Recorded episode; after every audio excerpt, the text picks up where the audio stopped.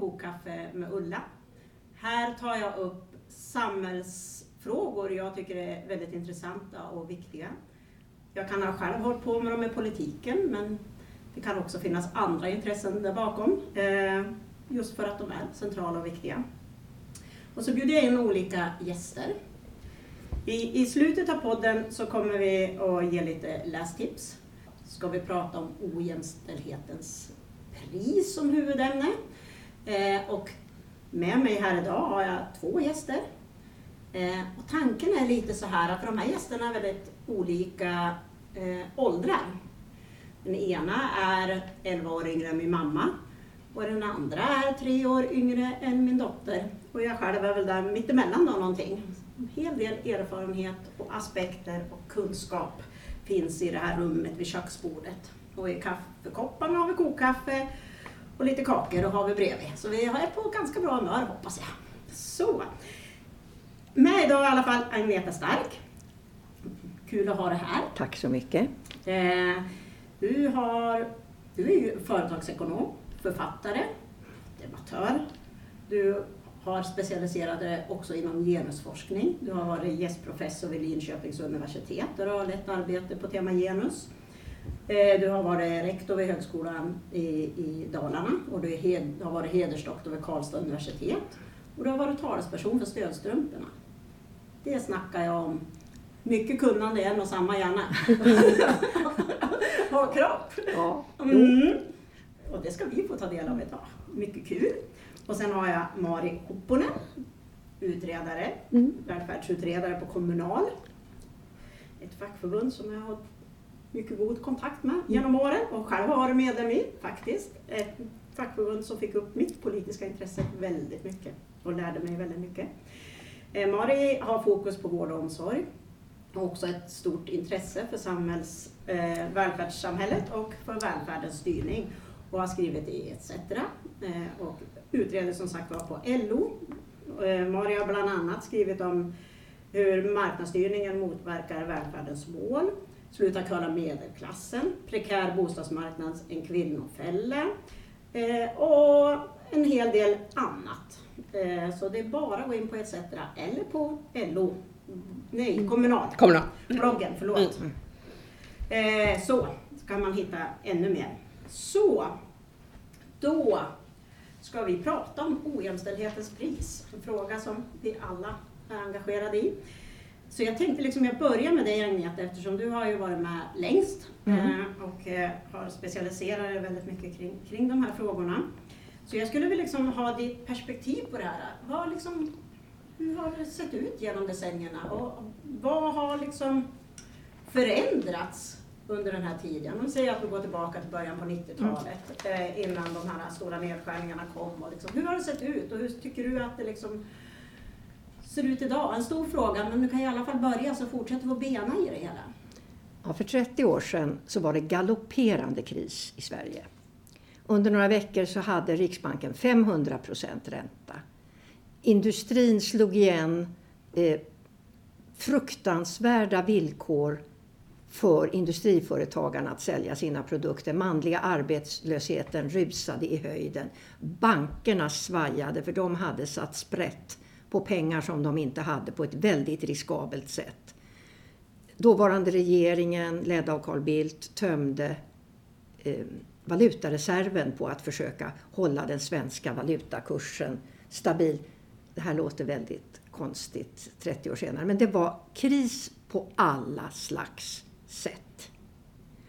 Och då började en stor och viktig diskussion. Varför blev det så här och vad kunde man göra nu? Och jag plockade fram ur minnet det som en välkänd, numera avliden professor i nationalekonomi, Bo Södersten. Han skrev i Dagens Nyheter för precis 30 år sedan.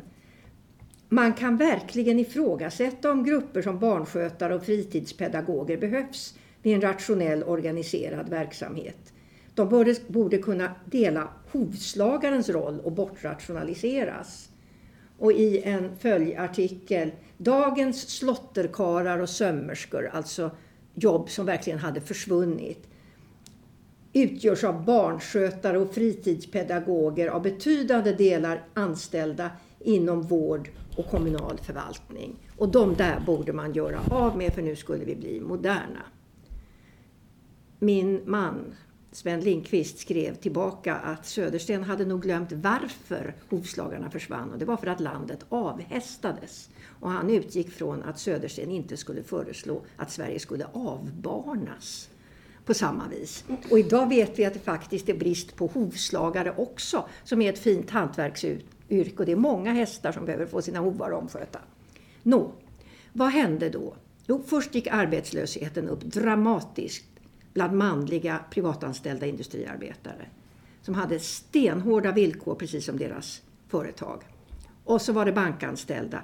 Kvinnoarbetslösheten steg inte med samma. För att skattepengarna släpar lite efter. Så de kunde få sina löner men sedan under åren som följde så skar kommuner och landsting ner kolossalt och arbetslösheten, den öppna arbetslösheten gick uppemot 12 procent. Och då var det många som påminde om 30-talet och sa att det är farligt att låta arbetslösheten gå upp och fick svaret nu är det andra tider, det ser annorlunda ut, vi ska göra om allting. Och här gjordes också om ganska mycket. Det nya pensionssystemet, grunder sattes under den här tiden och också en massa grunder för styrningen av offentlig sektor. Det här låter superabstrakt. Men det var en tid full av främlingsfientlighet och ett väldigt obehagligt parti som hette Ny Demokrati som hetsade mot offentliganställda. Man skulle inte arbeta offentligt. Och Bo Södersten satte också begreppet tärande på människor som var arbetslösa, som var offentligt anställda i kommuner, landsting och stat och som eh, var pensionärer. De var tärande och de andra var närande. Och man skulle minska den tärande sektorn. Och han plockade också med människor i Sverige som hade kommit hit i vuxen ålder och som fick pension fastän de inte hade bott här hela livet. Så det, det var en blandning av förakt för de arbetsuppgifter som gjordes inom offentlig sektor. Det där var ett spår. Ett annat spår var att det var där började man en teknisk omvandling som delvis har varit väldigt, väldigt bra i vården och sjukvården där man började göra operationer snabbare och enklare. Vi kan bara tänka på starroperationerna som är fantastiska och som gör så man kan gå hem samma dag. Men också så började man dra ner på vårdplatser, för de behövdes inte. Och vi hade tre gånger så många vårdplatser per tusen invånare i intensivvård 1992 som vi hade eh, 2018. Så man drog ner och drog ner och drog ner. Och sen skickade man hem människor, särskilt gamla människor, mycket snabbare från sjukvården. Vilket gjorde att till exempel hemtjänsten fick helt andra arbetsuppgifter. Man drog också ner väldigt mycket på mentalvården. Så att människor med betydligt värre och svårare symptom skulle vårdas i hemmet. Och det där gick ganska dåligt ofta. Det blev väldigt mycket nöd och elände. Och det viktiga då var, det där hinner vi inte ta med, itu med nu. Nu gäller det att rädda banker. Och det fanns väldigt mycket pengar att rädda banker den gången. De fick staten sen tillbaka och det var bra gjort av staten. Backra fick betala tillbaka. Men det fanns pengar och det var inte läge att diskutera arbetsvillkor för kvinnor. Och idag sitter vi nu i ett läge som verkligen är mycket allvarligt. Med krig på nära håll, med oro i utrikespolitiken, men också efter bara två och ett halvt år sedan, sen de som jobbade med äldreomsorg och vård höjdes till skyarna och sa ni måste få bättre villkor. Och nu när det är dags att infria det så finns inte pengar för nu ska pengarna gå till försvaret. Så nu har vi inte igen tid och ork att syssla med kvinnors arbetsvillkor och löner. Så att det är likadant jämt. Det är allvarliga kriser, inte tal om annat. Men det är aldrig läge att ta kvinnors arbetsvillkor på allvar. Det finns alltid något annat som är viktigare. Och det beror på att livet ser ju ut så. Det är alltid en massa olika saker. Och egentligen skulle vi väl aldrig hålla på med klimatet större delen av tiden. För det, Det är en förändring som är enormt stor. Så jag är orolig, upprörd och rätt arg över att det tar bara två och ett halvt år att glömma vad man sa att man skulle göra med arbetsvillkoren för kvinnor och män i äldreomsorg, i sjukvård, i alla de här kringyrkena som behövs för att människor som är sjuka eller mår väldigt illa ska få den hjälp som de behöver och de har rätt till. Det är aldrig läge för kvinnor. Det är aldrig läge för vård. Det finns alltid något som är viktigare. Grr. Grr. Tror jag vi stämmer in i. Eller hur Mari? Ja men verkligen. Jag är väldigt... På något sätt är jag ändå glad att jag inte visste 2020 hur lite förbättringar det ska hända. Jag tänkte att liksom, politikens intresse för äldreomsorgen pikade den 15 december 2020 när Coronakommissionen släppte sitt första delbetänkande. Och plötsligt fanns det liksom en stor konsensus över att äldreomsorgens länge välkända strukturella brister måste åtgärdas. Uh, Ebba Busch Thor sa det, Lena Hallengren sa det, från höger till vänster, det fanns konsensus. Och sen dess, det, den försvann det bara. Men jag är glad att jag inte visste. Att, för att jag skulle ha blivit så grovt deprimerad då 2020 när bland annat medlemmar i Kommunal kämpade för att ta hand om äldre och sjuka i äldreomsorgen i sjukvården. Men eh, ja, det är liksom kampen. Samtidigt vill jag liksom inte låta som att jag liksom ja, har gett upp för att det har jag verkligen inte och det har inte Kommunal gjort men det är ganska uppenbart, som, det är som du säger, att det blir alltid något annat som är viktigare än välfärdssamhället och kvinnornas arbete. Det är otroligt Men nu har det hänt något. sorgligt. Nämligen att unga kvinnor och män har så olika inriktning politiskt. Mm. Eh, Att kvinn, unga kvinnor, det är väldigt bekymmersamt också. Unga kvinnor, unga kvinnor är mycket mer politiskt inriktade åt vänster om frågor som har med offentligt finansierad verksamhet att göra. Och unga män mycket mer åt höger. Och man frågar sig, hur kommer det där samtalet vid deras köksbord så småningom? Eller de sammanhang där de finns. Hur kommer de att se ut? Jo. Därför att det visar sig att den här, det som du säger, det som jag tog upp, det är, det är många unga människor som vet, som ser. Och de behöver inte se det på sig själva, de kan se det på sina föräldrar, Ja. de kan se det på far, morföräldrar, de kan se det på extrajobb de har haft. Och det är något hoppfullt i om man drar en politisk slutsats av det och inte bara blir deprimerad. Mm. För deprimerad har jag varit många gånger men jag är mer ilsken och envis typ. så att jag ger mig ju inte och jag har hållit på väldigt länge. Och det har varit så här hela tiden. Men det har blivit bättre. Det skulle inte gå att skriva idag om människor som arbetar på förskolor och säga att de här ska, är helt otidsenliga och ska bara bort. Ja, det. Det skulle man inte kunna säga. Det Det, skulle. Mm. det skulle väcka uppståndelse. Mm. Och man skulle inte kunna vara trovärdig av det. Att säga att man kan bara ta bort det där. Det gäller att få fart på de privata Mm. tjänsterna. Fast jag tycker att, nej, det, det kan man absolut inte göra och tur är väl det, Mm. eller man nu ska säga så här. Men, men jag tycker att det finns liksom ändå, de här strömningarna finns ju liksom kvar. Mm. Eh, och jag tänker som kommunalare som du Mari, ni, ni känner ju av det ständigt eftersom det är era medlemmar som, som sliter och som har jättedåliga arbetsvillkor, delade turer, låga löner, deltider, visstider och, och allt det här. Eh, och många äldre då som, som, som påverkas såklart i sina Mm. liv eftersom kontinuitet är helt avgörande Mm. i äldreomsorgen till exempel. Eh, vi pratar ju om covid här också. Liksom. Under covid, alldeles i inledningen där, så höll jag och Jonas Sjöstedt en presskonferens. Det här var i mars då, när covid nyss hade kommit in på allvar så att säga. Och då hade vi en presskonferens där vi heter, föreslog då att staten skulle ta ett större ansvar. Man skulle se till att man gick igenom alla scheman där ute, organiserade om hemtjänsten, slutade med minutjakten och överanställde, som vi kallade det, för det- egentligen är det ju inte överanställningar, utan det, det är kanske det man borde ha krävt som villkor, och att staten då skulle kompensera kommunerna för det här. Jag skulle då säga liksom att den journalistkår som satt på den presskonferensen, de såg mer ut som fågelholkar än de förstod vad vi pratade om. Det var liksom som att äldreomsorg hade man inte tänkt så mycket på. Mm. Eh, att det liksom var in och ut och spring, mikrolåda in, mikrolåda ut, inte undra på att smittspridningen liksom blev som den blev i äldreomsorgen. Mm. Så jag tänker, som kommunalare, du sa det här att du hade jag vetat om det här 2020. Ser du någon skillnad liksom?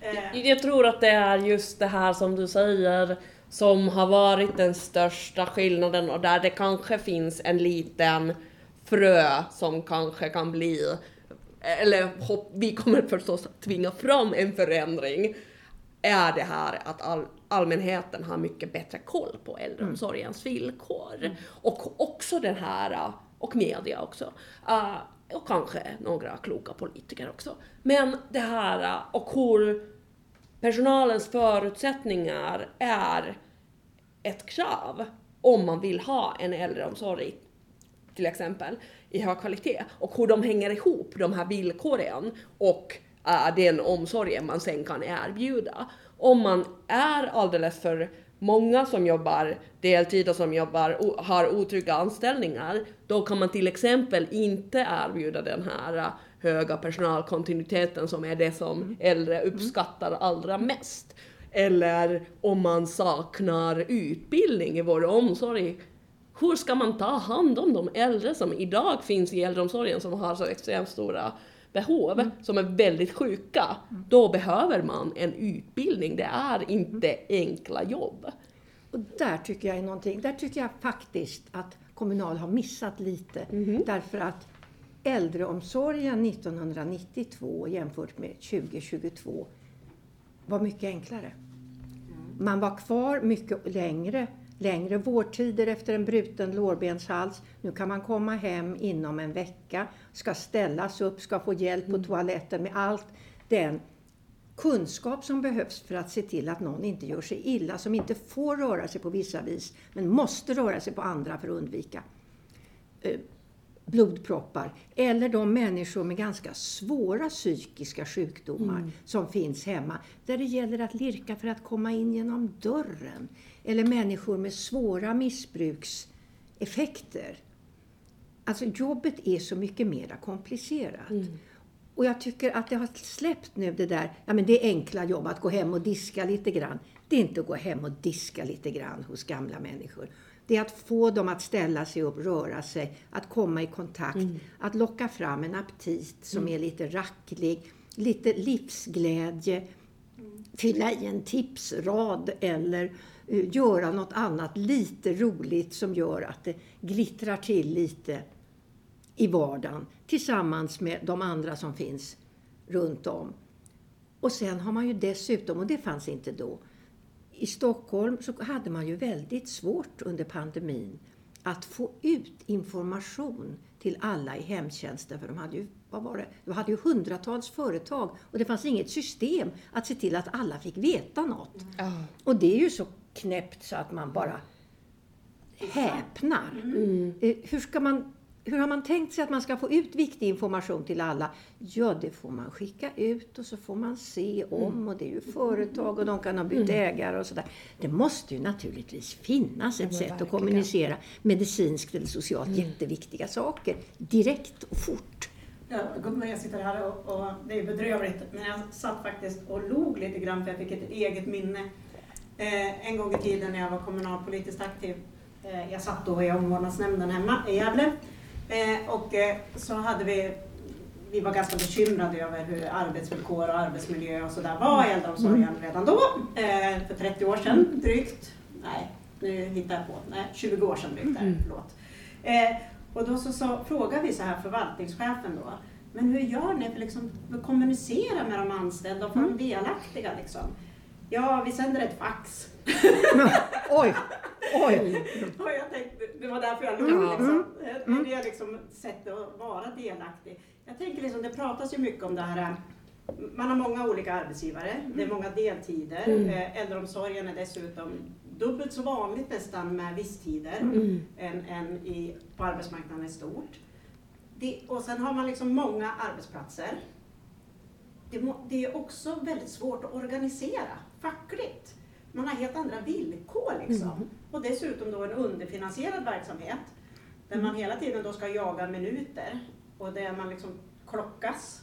Du har sju minuter på dig på toaletten Agneta och du Mari, du ska få en mikrolåda och den ska värmas i tre minuter. Du får ställa fram en tallrik till henne och sen ska du gå liksom och så ska du klocka ut sådär. Hur är det? Organisera liksom. Ja, verkligen det. Och jag, äh, jag och äh, min arbetsgivare, fackförbundet Kommunal, ser det väldigt mycket som en fråga om makt.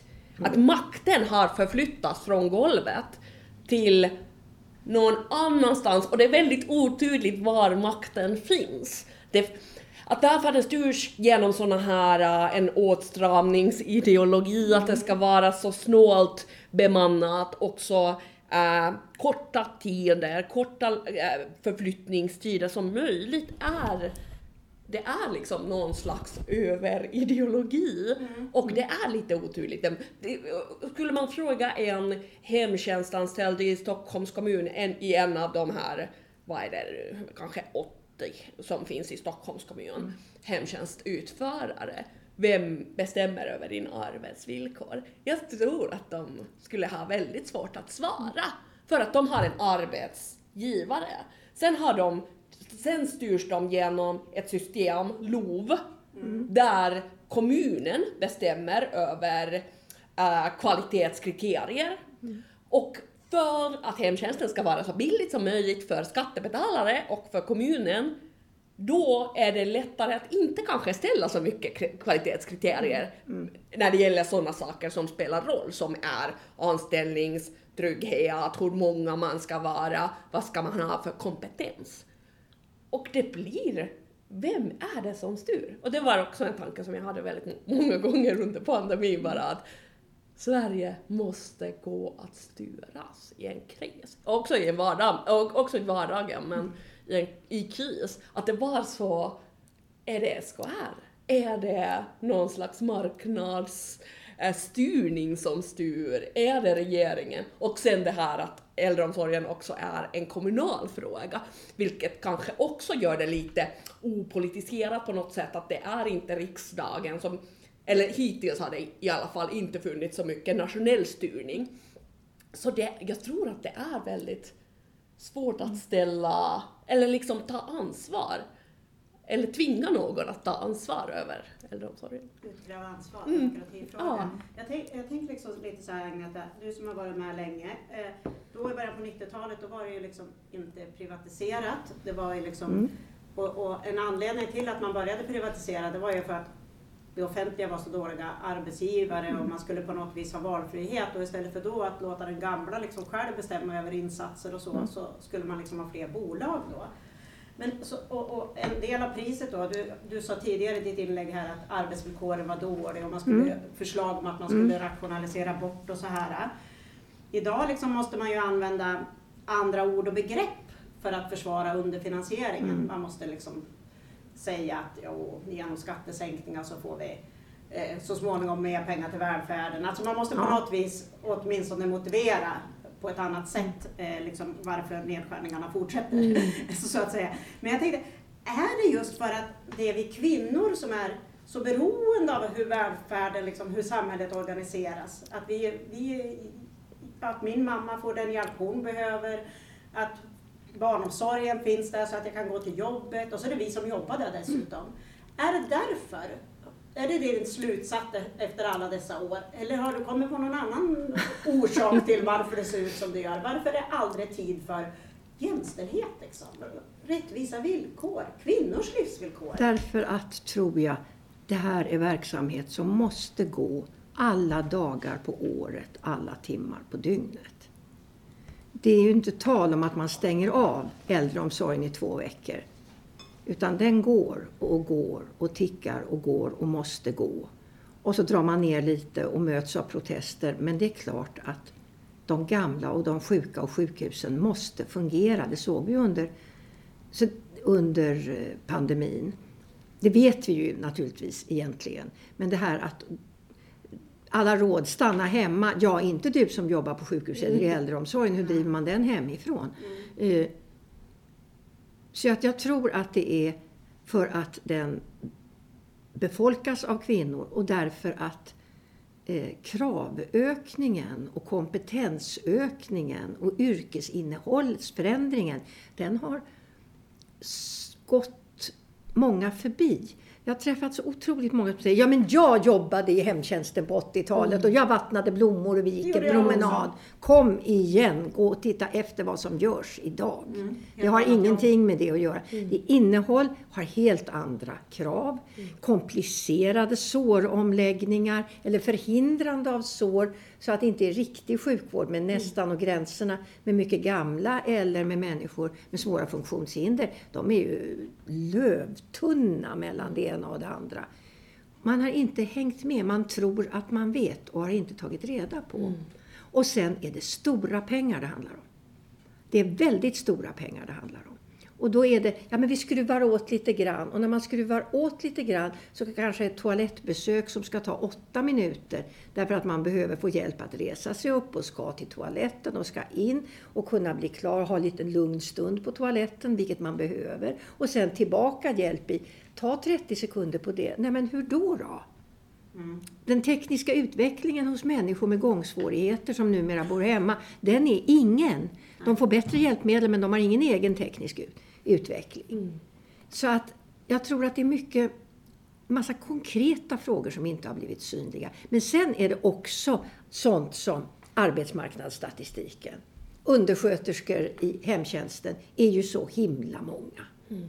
Så det blir så dyrt att höja deras löner. Men dela upp dem istället till innerstad, specialisering med mentala problem och, och beteendesvårigheter på grund av mentala sjukdomar. Och så gör de till en liten grupp och så gör de andra till en liten grupp till. Så blir de ju lika många som tekniker som arbetar överallt och som har ungefär samma arbetssvårighet. Istället för att de blir alla de här många som man ser springa upp och ner eller köra omkring på landsbygden i sina små bilar. Jag tror att det, jag tror att det har gått det har gått att bortse från det, ska jag säga. Mm. Det är inte så att det är osynligt, det har gått att bortse. Men äldreomsorgen och vården har i de större städerna ju integrerat väldigt många människor som är födda i andra länder, inte minst män. Om man ser på de stora städerna så är det ju massor med män som är föregångare inom vård och omsorg.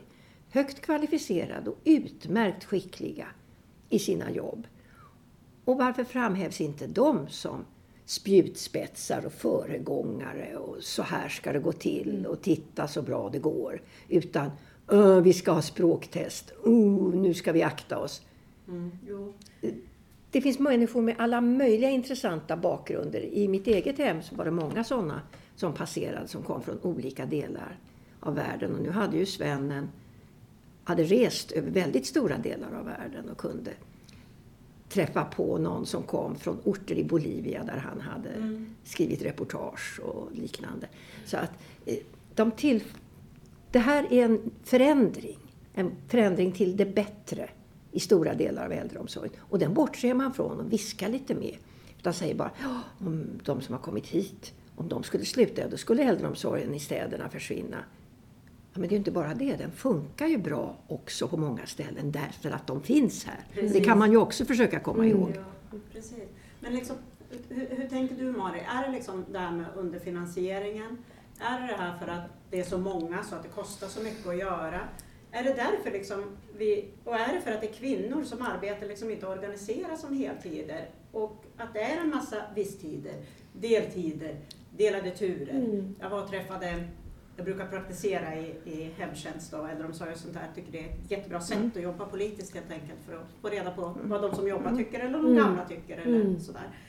Eh, och då satt jag och pratade med en undersköterska i Ovanåkers kommun eh, och då sa ja, de där delade turerna, allting är bra i mitt jobb utom delade turer tyckte hon. Och sen att det var för lite betalt. Mm. Ja, men hon trivdes jättebra på sitt jobb.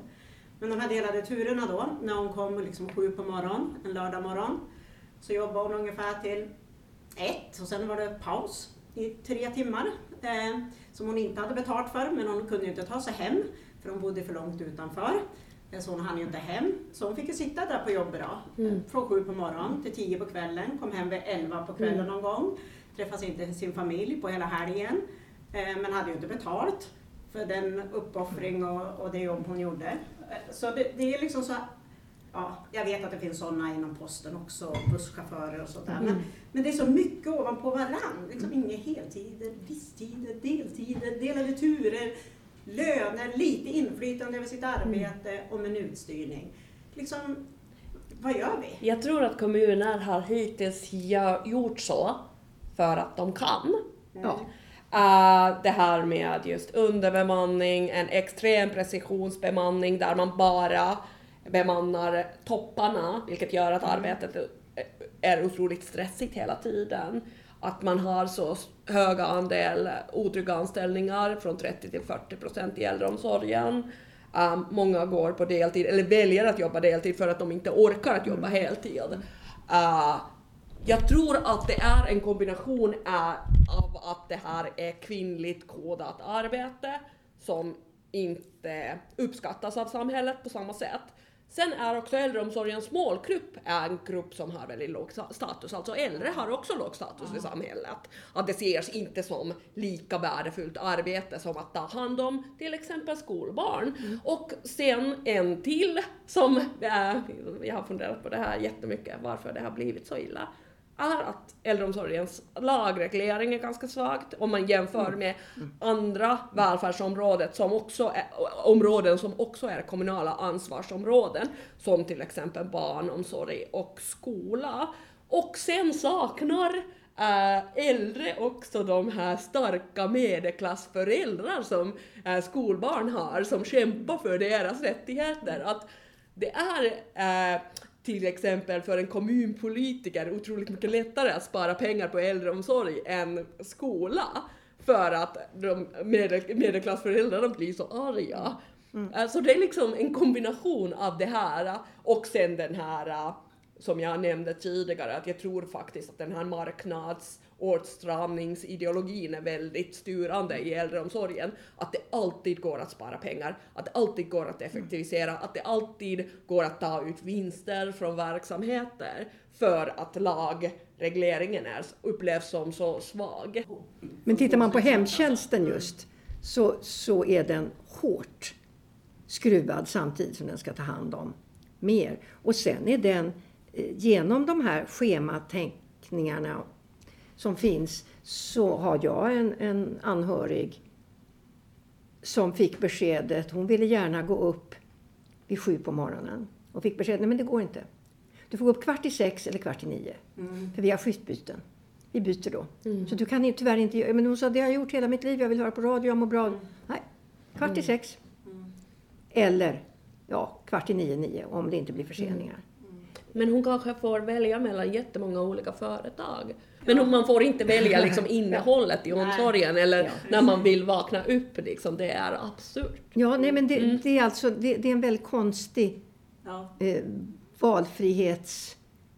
Alltså vad är det som är viktigt? Det är viktigt att man kan säga ifrån med eftertryck om man blir illa behandlad. Och det är en mm. viktig tanke med det här att man ska kunna byta. Mm.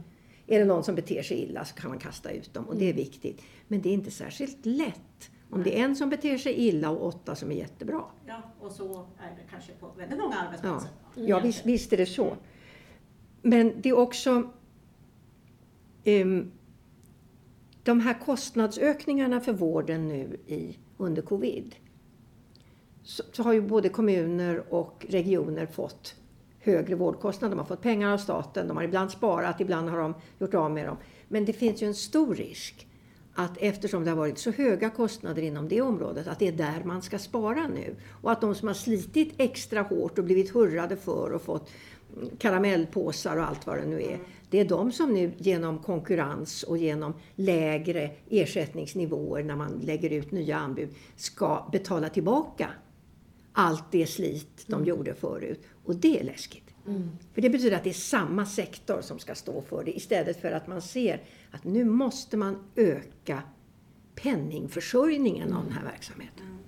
Jo, och, och, och, kvinnor betalar ju ett högt pris för det här. Ja. Mm. Dels för att vi har lägre genomsnittslöner och så vidare, men också att vi är så väldigt beroende av de här verksamheterna. Mm. Eh, men jag tänker också liksom att, att, att de här verksamheterna får ju liksom dels har de väldigt stor betydelse och, vi pratar här om äldre kvinnor. Det är äldre och många av dem som är beroende av hemtjänst är ju kvinnor. Mm. Eh, för de har ju först vårdat sina män och Mm. kvinnor lever längre och så vidare. Eh, och, och det får ju stora, stora problem nu. Dels för att vi har demografiska förändringar och vi vill ju att vi ska få en högre medellivslängd och så vidare. Men, men samtidigt då så betyder det också att vi behöver anställa väldigt många fler Mm. för att upprätthålla bara dagens kvalitet i välfärden som vi här nu då har sagt är Mm. inte tillräcklig. Eh, och, och vi måste anställa väldigt många fler. Och hur ska vi liksom lösa det här då?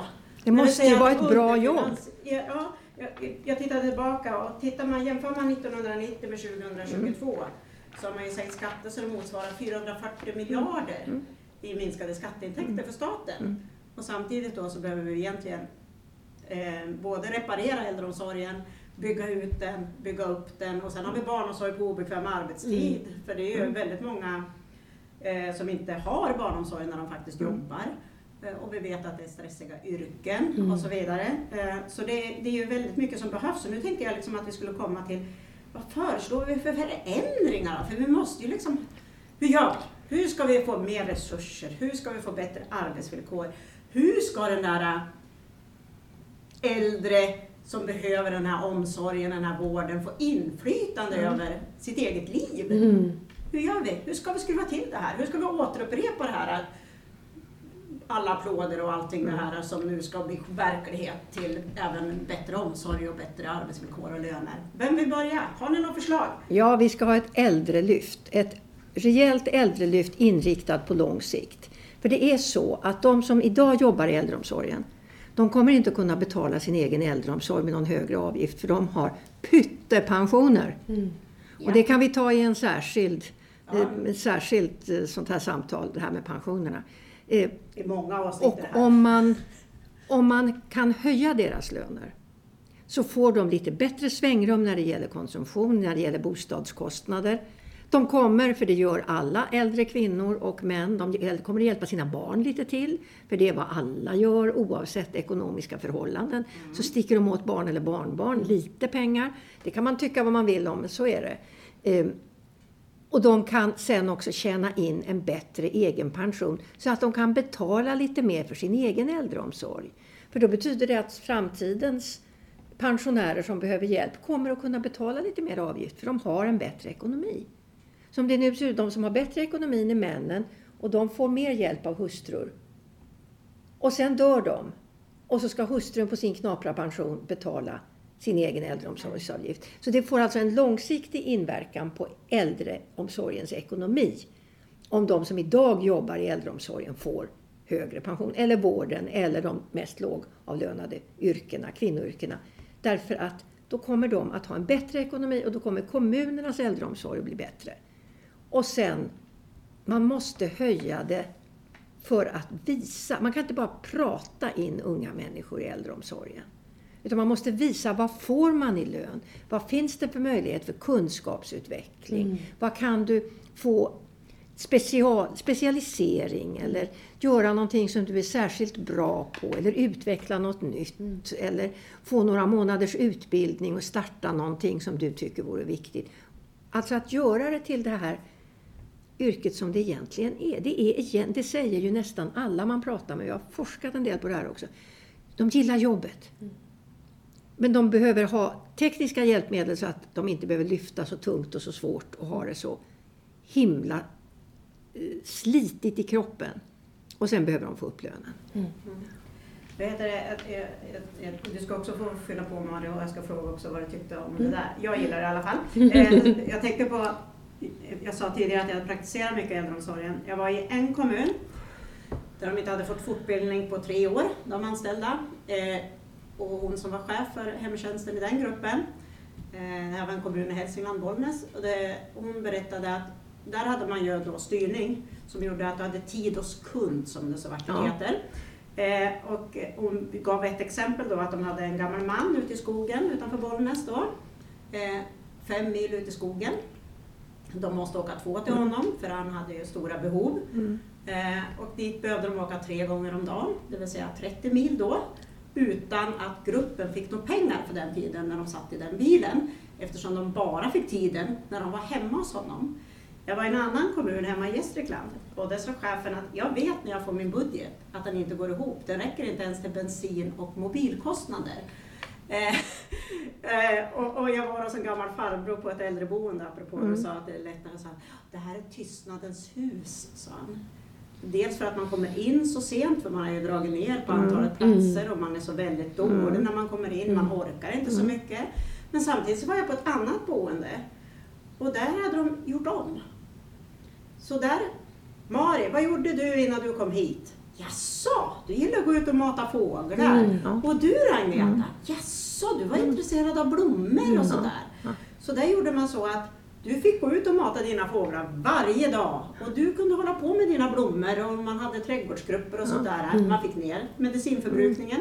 Mm. Personalen mm. trivdes jättebra. De äldre mådde mycket bättre. Och, och, det där är liksom något mönster jag har sett när jag varit ute. Och de säger precis som du säger Agneta, de gillar sina jobb. De tycker att de har för dåliga löner för lite inflytande. De gillar att finnas där för de äldre. De mm. tycker själva att de är proffsiga. De äldre tycker att de är mm. väldigt proffsiga. Bägge, den gamla och den som jobbar där, tycker att det är alldeles för stressigt. Men eh, de har liksom uppskattat väldigt mycket mm. sitt arbete och de äldre uppskattar mm. sin personal så att säga. Mm. Men ja, det var bara ett spår så här. jag bara flikar ut. Det är sånt som ligger en vant grejer mm. sådär liksom. Men så jag tänkte liksom, nu tycker Agneta då att vi ska ha ett äldrelyft på lång mm. sikt och jag köpte det. Och då ska vi se vad Mari fyller på här och vad du tyckte om det där förslaget. Jag tycker det låter, låter väldigt, väldigt bra. Jag tror också att det som jag drömmer om är en adekvat bemannad, adekvat kompetenssatt och adekvat resurssatt äldreomsorg. Uh, jag tror att det behövs en ambitionshöjning. Uh, det behövs en ökad professionalisering.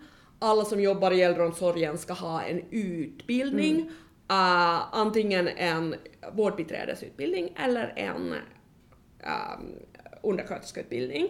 Uh, från och med i 2023 kommer det finnas också en skyddad yrkestitel för undersköterskor. Så, så det finns vissa liksom bitar mm. på plats som kan liksom vara bra för att sen bygga på något uh, större och vackrare sen.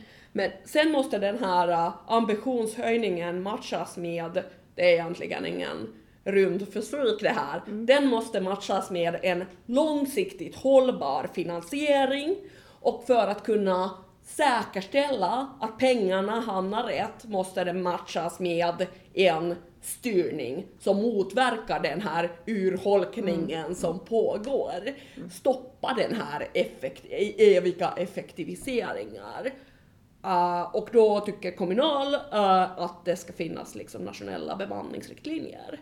Att, att, att stoppa den här att, uh, att arbetsgivare och huvudmän har rätt att bestämma vad som är tillräcklig kvalitet för att det är helt ohållbart det kan inte finnas så många olika äldreomsorger i, i Sverige, när egentligen är det lika svårt nästan överallt att få insatser och behoven är extremt stora. Uh, så då kan det inte, liksom, äldreomsorgen kan inte vara någon slags kommunal budgetregulator.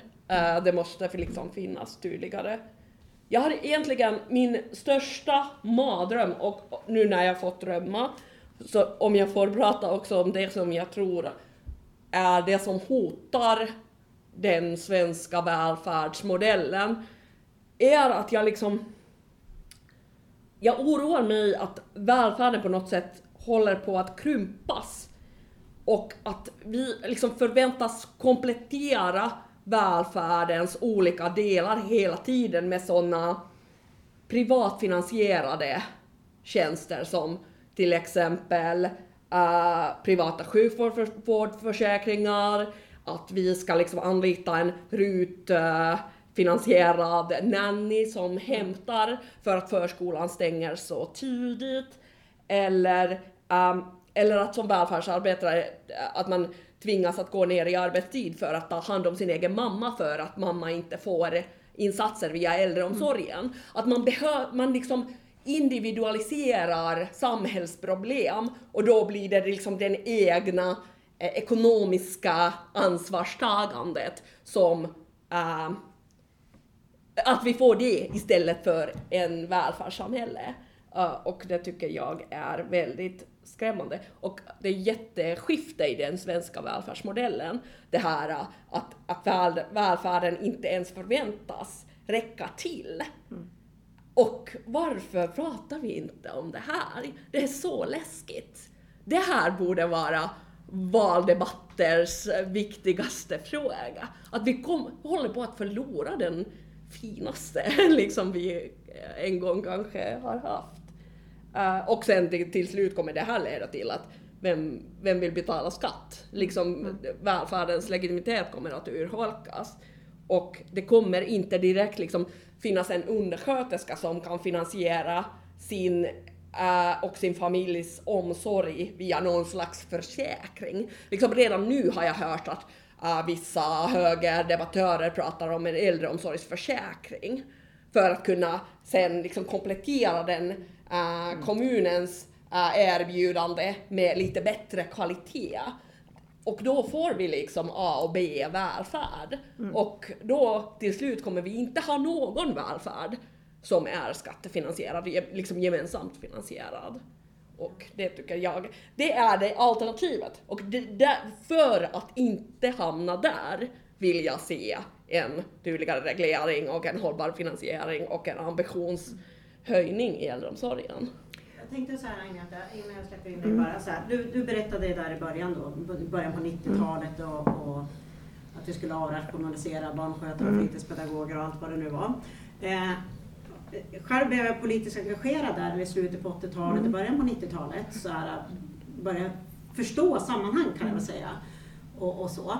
Och, och, jag minns så väl det som gjorde att jag blev, det var liksom någon form av stopp i huvudet. Jag hörde på radion att Sverige hade aldrig någonsin varit rikare. Det här var ju innan det totalt. Men, mm. men samtidigt så då höll vi på med nedskärningar på jobbet. Jag jobbar ju mm. på daghem som det då hette, förskolan. Min dotter gick på fritids. Och man skulle liksom ha fler barn i barngrupperna och det var liksom, ja, vi, vi, var, vi hade inte råd längre och jag fick inte det där att gå ihop. Och om du då ser på priset för ojämställdheten, vad liksom skulle du vilja skulle du vilja säga att priset är? Är det utslitna kroppar? Är det sämre livskvalitet? Eller Finns det någon uträkning? Jag räknade ut någon gång i tiden hur, om alla kvinnor fick heltid, hur mycket bättre ekonomin skulle bli och sådär. Liksom.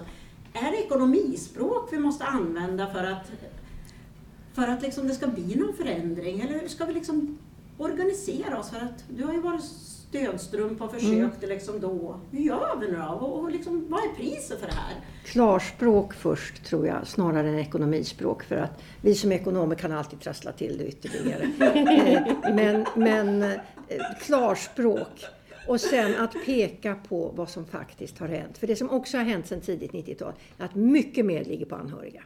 Ja. Det, man, följer, man, man har ändrat tolkningen av socialtjänsten utan att ändra lagstiftningen en eh, skälig levnadsnivå. Det betyder inte att du får gå ut en gång i veckan. Det var förr det. det skälig levnadsnivå eh, om in, och det ska göras om inte någon annan kan göra den. Och jag har personligen varit i förhandling med kommunen som tyckte att ja, men om vi tar hand om lite matlagning och sånt där som kan ordnas. Eh, och då sa jag, men det ligger på mig enligt lagstiftningen. Jag ska sköta vanligt det som vanligen ska äga rum. Mm. Och ni ska ta hand om vård och omsorg. Ja, men om du tar hand om lite mer vård och omsorg så kan vi ju ordna lite med matlagning och tvätt. Mm. Då överklagade jag till förvaltningsdomstolen. För jag är medelklass och väldigt kunnig och väldigt talför. Och jag, de föreslog alltså att de skulle begå direkta lagbrott för att kunna dra in på sin... De föreslog alltså direkta... De, de föreslog direkta lagbrott och de föreslog för att kunna spara in, så skulle, för att de inte skulle behöva släppa till en vårdplats, så skulle de komma nio gånger per dag. Och så skulle de också göra sånt som jag skulle enligt lag och vanlig rimlig, alltså sköta vardagsliv. Och jag ska säga att då var jag, då var jag alltså sjukskriven av läkare som, och det vägrade kommunen att ta hänsyn till. Så du betalade ett eget privatpris? Jag betalade ett privatpris och jag vet bara hur många andra. Mm. Och det är många och det är över hela landet. Man har lagt över mycket, mycket mera på anhöriga. Har du inte en granne som kan hjälpa dig? Man kanske inte vill att ens granne ska hjälpa en. Eh, och man har enligt lag krav och de kraven tillgodoses inte på många ställen i landet. Och det här ligger inom socialtjänstlagen som är oändrad. Det är bara tolkningen. Och det enda sättet att få rätt vid överklagande är om, man, om kommunen har gjort formfel. Mm. Det finns ett radioprogram som heter Klarspråk, men det handlar ju inte om det här. Mm. Vi får ta ett radioprogram som handlar om klarspråk om ojämställdhetens pris helt enkelt. Mm. Ja, och dessutom följa upp så som nu görs på många ställen. Man följer upp, hur ser det ut i olika kommuner? Mm. Hur ser biståndsbesluten ut?